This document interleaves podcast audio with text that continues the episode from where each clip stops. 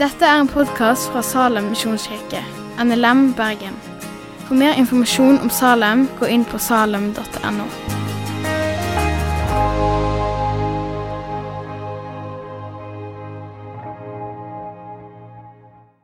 Vi eh, skal fortsette eh, med denne taleserien om Den hellige ånd. Og som de ser på skjermen, så er undertittelen i dag 'Å lære Åndens stemme å kjenne'. Vi har fire søndager eller fire helger der vi prøver å se litt på Åndens gjerning i oss og gjennom oss og i det kristne fellesskap. Nå er jeg så gammel at jeg husker når alfakurset ble introdusert i Norge på slutten av 70-tallet og begynnelsen av 80-tallet. Da var det kritiske stemmer som advarte mot det, fordi det hadde for mye fokus på Den hellige ånd. En hel weekend der Den hellige ånd var tema gjennom hele helga. Og Bekymringen den var at eh, fokuset på Jesus skulle skyves til side og ut på et sidespor, og nå var det Ånden i sentrum. Liksom Jesus var et tilbakelagt stadium, og Ånden var det som var i sentrum nå. Men faktum er at eh, der Den hellige ånd virkelig kommer til oss, så er det nettopp Jesus som kommer og blir herliggjort for oss. Og i eh, Johannes 16, 13-14 så, så, sier Jesus når, Men når Han kommer, sanningsanden, skal Han leie dykk fram til hele sanninga, for Han skal ikke tale av sitt eget, men tale det Han hører, og fortelle dykk det som skal komme. Han skal herliggjøre meg, for han skal ta av det som er mitt, og forkynne det for dykk. Så la oss slå det fast innledningsvis at Jesus' stemme og Åndens stemme er sammenfallende. Det er den samme stemme vi hører. I Den kristne kirka så har eh, bønnen om Åndens komme alltid vært levende. Og jeg, nå tok Anders oss litt tilbake i historien. Jeg skal ta dere litt tilbake i historien gjennom salmesang. Ikke mye, bare så vidt. Men på rundt århundreskiftet mellom 700- og 800-tallet så levde det en person som heter Rabanus Maurus. Han var erkebiskop i Mainz. Han skrev salmen Veni creator spiritus. Kom, skaper ånd. Det er en salme som i Den katolske kirke har blitt sunget og fortsatt blir sunget ved alle innvielser Enten det er bygg eller det er personer som skal innvies til tjeneste i Guds rike, så er denne bønna sentral. Kom, skaper ånd. Og jeg har én omsettelse som på engelsk. Jeg har en ganske tjukk bok om denne Veni creator spiritus. Det ser hva som er, hva som er tematikken. Kom, creator spirit, visit the minds of those who are yours. Fill with heavenly grace the hearts that you have made. Luther, som kom ut av den katolske kirka, han eh, kjente jo denne salmen godt. Så han bruker den som utgangspunkt når han i 1524 skriver Kom, godt scheffer Heiliger Geist. Kom, skaper Gud, Hellig Ånd. Og Det er denne salmen vår salmedikter Landstad omsetter til norsk, som heter Kom, Hellig Ånd med skapermakt. Opprett hva synd har ødelagt, og glede i hvert hjertegiv, som du har født til evig liv. Tanken og teologien er den samme. Der Ånden er virksom, der skapes det liv. Nytt liv. Der er det noe guddommelig som skjer. Den hellige ånd er til stede i skapelsen. Den er til stede i Det gamle testamentet gjennom profeter, prester, øversteprester, eh, konger og profeter og øversteprester. Det er Den hellige ånd som kommer over Maria, mor til Jesus. Den kommer over Jesus når han stiger ut av dåpselva Jordan. Det er Den hellige ånd som er aktiv når redde og forskremte eh, læresveiner på pinsedag blir forvandla ifra Nettopp det å være redde oss for skremte til frimodige vitner.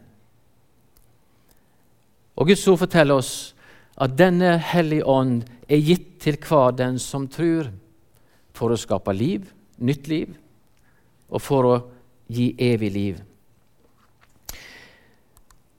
Og nå en bibelvers. 1. Korinterbrev 3,16.: Veit det ikke Det som Paulus må minne dem på, det som er et faktum. Veit det ikke at det er Guds tempel, og at Guds ande bor i dykk?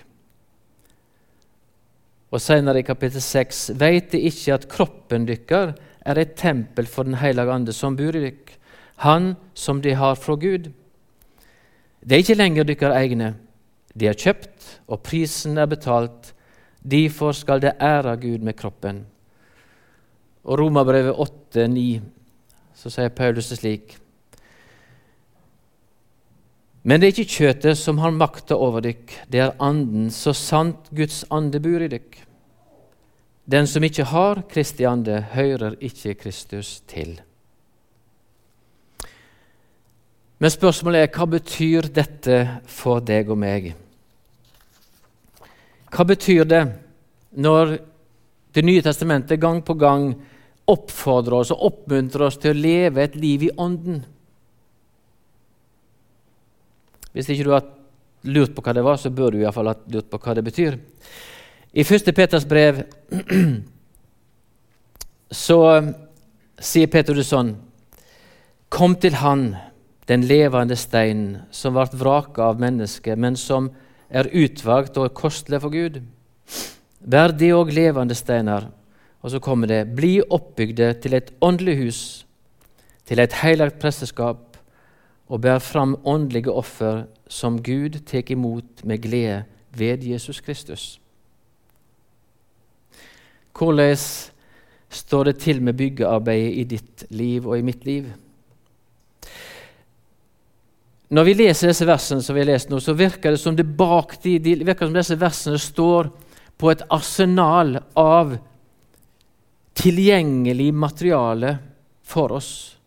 Av kraft, innsikt og visdom som den som har Ånden, har tilgang til. Henger det med? Hva vil det si å leve i Ånden? Leve et liv i Ånden, det virker, ja, men hva betyr det? Det virker som Skriften har, står liksom på en plattform her av kraft, innsikt og visdom som den som har Ånden, har tilgang til. Så spørsmålet er hvordan kan vi som bærer Guds ånd, lære oss å lytte til Ånden i våre liv? Så dette blir virkelighet i hverdagen vår, i livet vårt. Og Det virker som den eneste forutsetning for at vi skal få tilgang til det tilrettelagte materialet er at vi tar det i bruk. Så spørsmålet som vi i dag i denne temaet er kommet til, er dette Ønsker vi virkelig et dypere åndelig liv? Er det en reell bønn å si 'Kom, Hellig Ånd', forny mitt hjerte, oppvekk mitt sinn, skap i meg den glede som er av Gud? Er det en oppriktig bønn i mitt og ditt hjerte? I uh, Johannes 10, 27 så sier Jesus det sånn Mine sauer hører mi røyst. Jeg kjenner deg, og de følger meg. Igjen, det er noe i denne stemmen som lyder ved Guds ånd og ved Guds ord, som gjør at mitt sinn og mine tanker tanker blir prega av. Ja, Bibelen snakker om at vi skal ha oppøvde sanser til å skjønne og skille mellom det som er rett og galt. Jeg har et bilde som jeg har vist noen ganger, som kanskje tar litt inn fastetiden og det som Anders åpner med i dag. Hva som opptar oss. Hvilken stemme er det vi lytter til? Denne karen som sitter han lurer på hvorfor ikke han hører hyrdens stemme. Det taler i seg for så vidt for seg sjøl, så vi trenger ikke male det ut lenger. Han sitter med hodetelefoner på ørene og TV. Det er et gammelt bilde, ser du. Det er ikke noe flatskjerm han ser på, så det er et gammelt bilde. Men eh, poenget er det samme.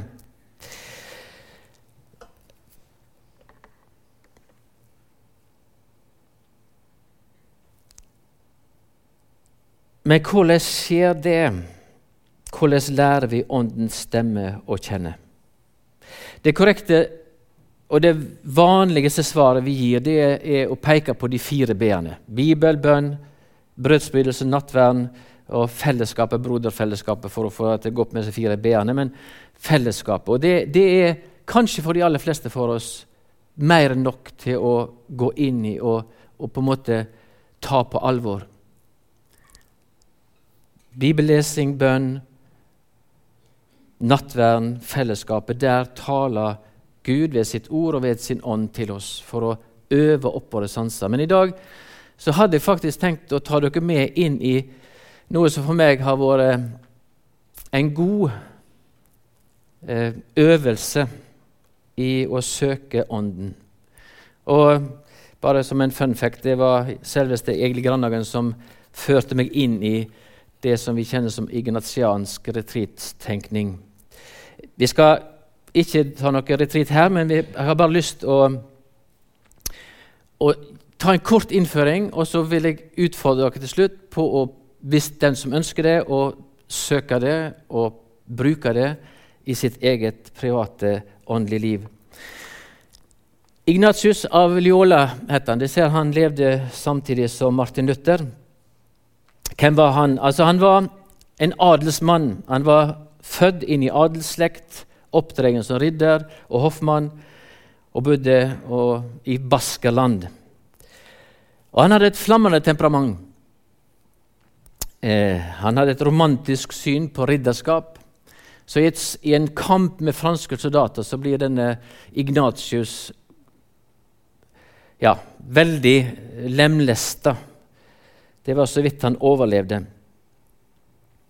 Etter flere harde og brutale og smertefulle operasjoner klarte de å lappe han sammen, men han kom aldri tilbake på hesteryggen. Men i denne lange rekonvalesent-tiden så går han inn i det vi kaller for dagdrømming.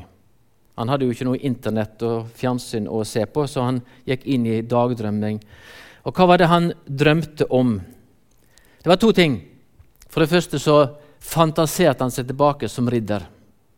Vanskelig for oss å forestille oss hvordan det kunne skje, men han gjorde det. Det var hans samtid. Han levde i det. Han så for seg, bokstavelig talt, han på, igjen tilbake på hesteryggen som denne ridderen som kom og redda jomfruer i nød.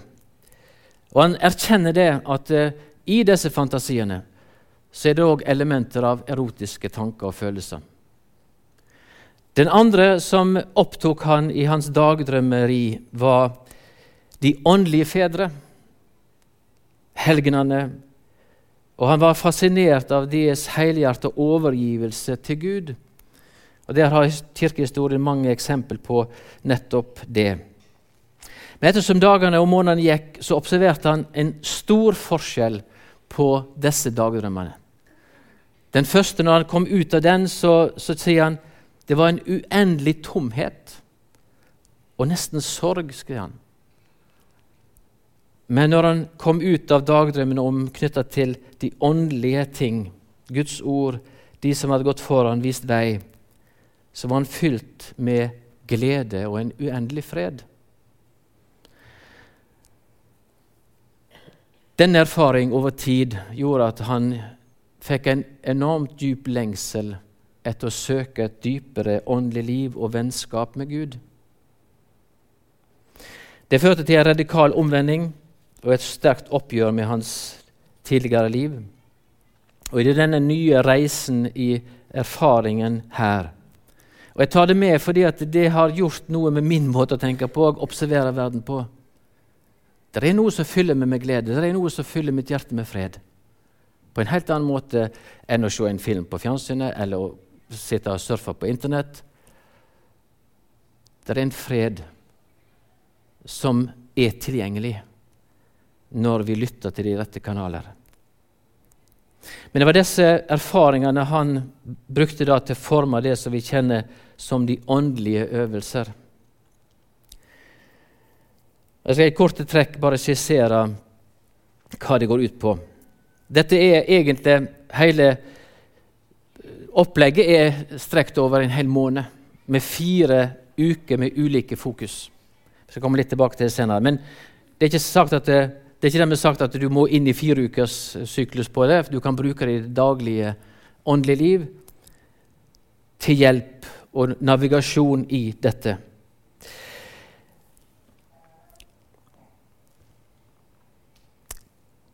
Han har to viktige forutsetninger før du går inn i de åndelige øvelser. Og Det er at vi av et oppriktig hjerte ønsker å søke et dypere relasjon med Gud. Et dypere åndelig liv.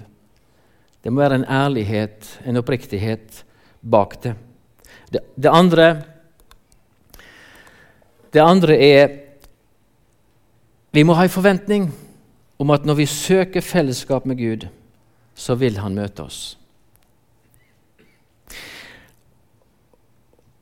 Og Han sier at gjennom disse åndelige øvelsene så er det to prosesser som starter i vårt indre. Det første å avsløre eller avdekke vår menneskelige motstand mot Gud. Det er kanskje det tøffeste som vi står overfor når vi skal begynne med åndelige øvelser.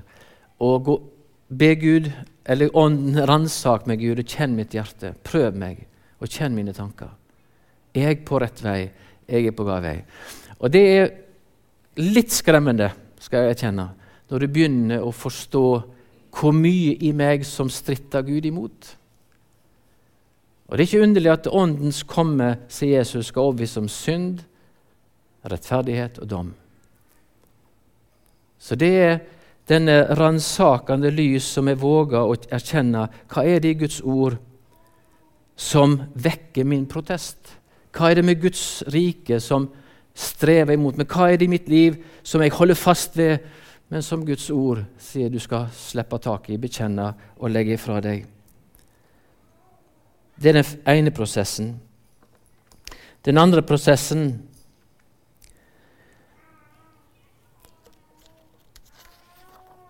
hjelper oss til et dypere vennskap med Gud og forstå og leve ut Hans håp for oss. Det er den andre åndens gjerning rettferdighet. I din åpenbaring av ditt indre dype sjelsmørke, så er du rettferdiggjort av en som har elsket deg så høyt. Det taler Ånden.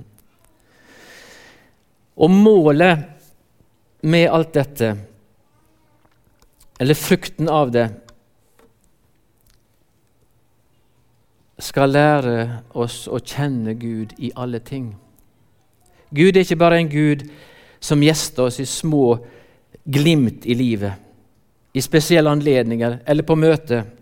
Gud er en Gud som ønsker et nært og intimt fellesskap med oss hele tiden. Guds ånd er til stede i ditt og mitt liv til alle tider. Han er i glede, han er i sorg, han er i de trivielle, hverdagslige ting. Og han er i de opphøgde stundene i livet. Kanskje ikke så vanskelig også å tenke at når, det, når vi kjenner på en måte glede og disse overstrømmene, så tenker vi Gud er nær. Men er det mulig å kjenne Gud òg når livet er tøft? Når livet går imot? Gud er i de overveldende naturopplevelsene, men han er òg i de dypeste tragedier. Bare et eksempel. Jobb hva erfaring er det jobb gjør i møte med Gud? Han blir tatt fra i alt. Sykdom, lidelse. Mitt naturlige menneske tenker automatisk at for en forferdelig Gud som ikke beskytter han, som ikke bevarte han ifra det onde. Men Jobb sin konklusjon er helt annerledes. I, vers, I, kapittel 42, vers 5, så sier han Før hadde jeg bare hørt gjetord om deg. Nå har jeg sett deg med egne øyne. Hva er det Jobb har sett? Hvilken stemme og hvilken dialog er det Jobb har lytta til? Jeg tror ikke det kan beskrives med ord uten at en har erfart det sjøl.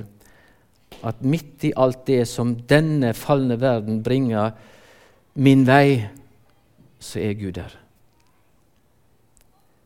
Og Det er denne stemmen vi må lytte til for å finne fred og glede. Ja, Peter sier det i 1. Peter 4, 14. Dette er jo sagt inn i forfølgelse, da, men allikevel. Sele er de når de spotter dykk for Kristi navns skyld. Og står det, for Guds ande, herligdommens ande, hviler over dykk. Jeg har møtt forfølgte kristne, og de har slått meg gang etter gang. Hva er det de har sett? Hva er det de har erfart? Hvilke stemmer er det de har fått kontakt med, som gjør at de holder ut? Som gjør at de, tross de omstendigheter de står i, allikevel kan kjenne glede, fred, langt mer enn jeg som lever i en overflodssamfunn, kan kjenne på.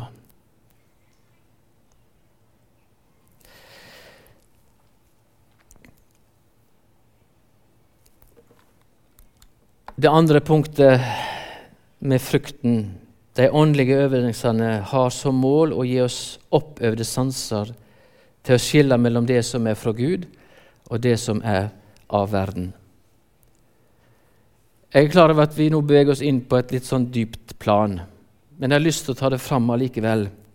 Og så skal vi ta med oss disse bare fokuspunktene, for sikkert en del som sitter og lurer på det, kanskje ikke. Men det er iallfall fire fokuspunkt som kommer inn i disse åndelige øvelsene. Den første veka så er det altså dette som går på selvransakelse, og Salme 139 er sentral. Der dette blir refleksjonsgrunnlaget. Og, og Skal en gå gjennom disse månedsopplegget, så må en ha en åndelig veileder med seg for refleksjon. Den andre veka det er inkarnasjon. Hvorfor kom Jesus til jord? Hvorfor valgte Gud i sin hellighet og renhet og stige inn i vår verden. Hva var det som motiverte han for det? Den tredje veka Jesu liding og død. Hvorfor måtte Jesus gå gjennom så uendelig smerte og lidelse og død? Og det fjerde gleden over Jesu oppstandelse. Vårt håp at selv om dette livet her inneholder for de aller fleste av oss ikke bare gode dager. For noen traumatiserende dager, vonde dager. Vondskapen i verden ser vi rundt oss, vi hører den, vi opplever den, og kanskje erfarer den på ulikt vis, den enkelte av oss. Men allikevel så har jeg Guds stemme som min veileder i livet. Håper at en dag skal alt dette være over og jeg skal få erfare det fullkomne. Det var i korte trekk de åndelige øvelsene. Hvis du vil utforske dette videre sjøl, så fins det litteratur. Du kan google det. Du kan gå på bokhandel og spørre etter åndelige øvelser. De vil kjenne litteraturen. Og må vi alle som kaller oss med Kristian, så bærer Guds ånd i oss Be om, om ikke du har det allerede, å få den lengselen etter dypere åndelig liv. Og vi trenger det kanskje mer enn noen gang i vår tid, der så mange stemmer forteller oss hvor ut av tidens tann, eller ut av synk med tiden, vi er som kristne, som bekjenner vår kristne tro. Som tror at Bibelen er Guds ord, som tror at Ånden gir liv og kraft. Og få skrella vekk de stemmene og lytte til hva Ånden sier til menigheten. Til deg og til menigheten.